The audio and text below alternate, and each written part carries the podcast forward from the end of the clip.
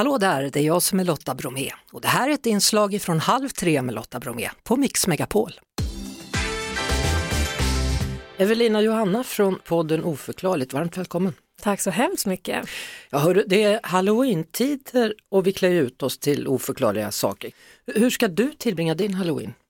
Oh, alltså jag älskar ju att styra halloweenfester, tycker det är så kul. Så att det blir i år igen.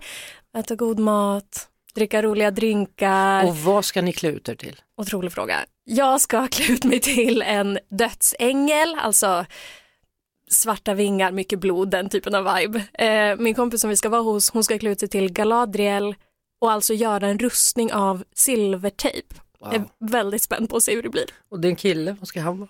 Han ska vara Anubis, alltså en egyptisk eh, dödsgud. Du, hur kommer det sig att vi människor gillar det oförklarliga så mycket? Jag tror generellt att människor gillar oförklarliga saker och liksom blir fascinerad av grejer som vi inte kan förstå riktigt eller sätta fingret på olika händelser och olika beteenden. Och därför blir ju just mysterier så himla spännande. Så det vi gör med Oförklarligt, det är att eh, jag och min co-host Mattias och vår otroliga redaktion letar info, försöker hitta olika teorier, gräver ner oss i det här för att försöka förstå eller i alla fall kunna berätta om de här oförklarliga händelserna. Ja, kan det vara lättare att i alla fall förstå vissa delar av världen om man vet att en del kan man inte förklara, punkt. Mm, intressant tanke. Ja, men kanske. Lite beroende på vad man tror att det här oförklarliga består av så kanske det kan ge någon typ av tröst eller spänning. Eventuellt. Sen tror jag också att folk fascineras av oförklarliga händelser för att det är så himla kul att snacka om. Alltså det blir bra samtalsämnen och intressanta samtalsämnen och kan verkligen vara en vattendelare. Tror man på det, tror man inte på det, vad tycker man känns rimligt? Det bästa jag vet är ju när folk som har lyssnat på våra avsnitt går in i, alltså i våra kommentarsfält på ett oförklarligt podd på Insta eller TikTok eh, och ger sina teorier så mm. man kan snacka ihop sig. Ja, det är mycket teorier i omlopp om allt möjligt. Det är ju det. Tror du att de har varit på månen? Min dotter när hon var lite yngre, hon kom hem till mig en dag och så sa hon så här, mamma, de kanske inte ens har varit på månen. Uff, bara, du snälla. har lite en konspirationsteoretiker. Ja. Hon, har, hon har släppt det lite nu men det, det hände faktiskt jag blev helt chockad. Jag bara, vad menar du? Ja, men vem vet? Gud, love that for you, så himla kul. Eh, nej men det tror jag absolut på. Det är därför jag tycker att oförklarliga saker är så himla kul för att jag tror verkligen på science. Men sen så tror jag att vi kanske inte har kommit nog långt i vissa delar av olika typer av forskning för att kunna förklara allting på ett sätt som vi förstår än. Och liksom den balansen tycker jag är jättespännande. Du, nu släpper ni ju då ett obehagligt avsnitt här den sista oktober om en läskigt leende dam som vill hämnas. Ja, Berätta. det, gud vad vi gör det. Alltså det är ett otroligt obehagligt avsnitt. Det handlar om en japansk ande som kallas för Kuchisaki Onna. Legenden är då att det var en japansk kvinna för väldigt länge sedan. Hon var väldigt vacker. Hon hade en väldigt svartsjuk man.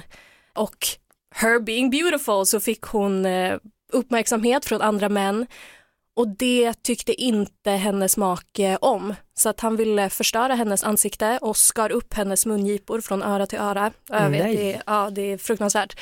Eh, och på grund av det traumat när hon dog så kunde inte hon gå vidare utan hon blev kvar här. Finns kvar på jorden för att hämnas, försöka hämnas det som hände henne med en sylvass sax sägs det. Men hon håller väl sig i Japan, hon är väl inte här och far i Stockholm och Sverige? Eller? Ja, vet man aldrig, kanske i Småland.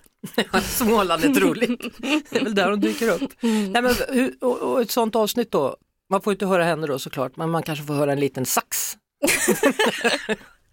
det, det kanske man får.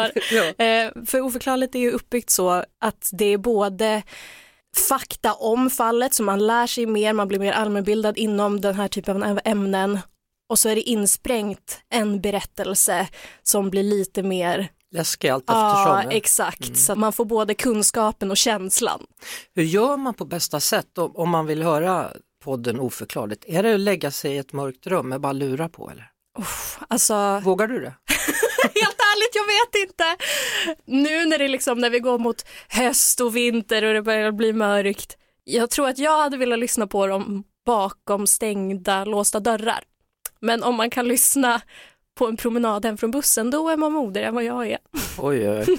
Eh, men det finns ett avsnitt ute på Podplay nu då? Det gör det. Redan. Du, vad mer kan man som lyssnare få ta del av för oförklarliga saker i höst här då? Oh, vi har jättemycket spännande avsnitt som kommer. Vi kommer dels snacka om en docka som förbannar folk och ger människor sån extrem otur så att vuxna människor skriver alltså brev till den här dockan flera dagligen för att be honom sluta. För det händer så sjuka grejer, ja, jag vet. Sen så kommer vi också prata om eh, en japansk självmordsskog dit folk går för att ta livet av sig och andra som har besökt den här skogen säger att de kan höra skrik i vinden där inne från alla själar som inte lyckas ta sig mm. därifrån. Sen så kommer vi också ha ett avsnitt, mitt personal favorite, om ett svenskt eh, ungdomsgäng som ska på festival i Horga i Hälsingland och träffar djävulen. Ja. en fråga, mm. vad ska du klä ut dig till på halloween?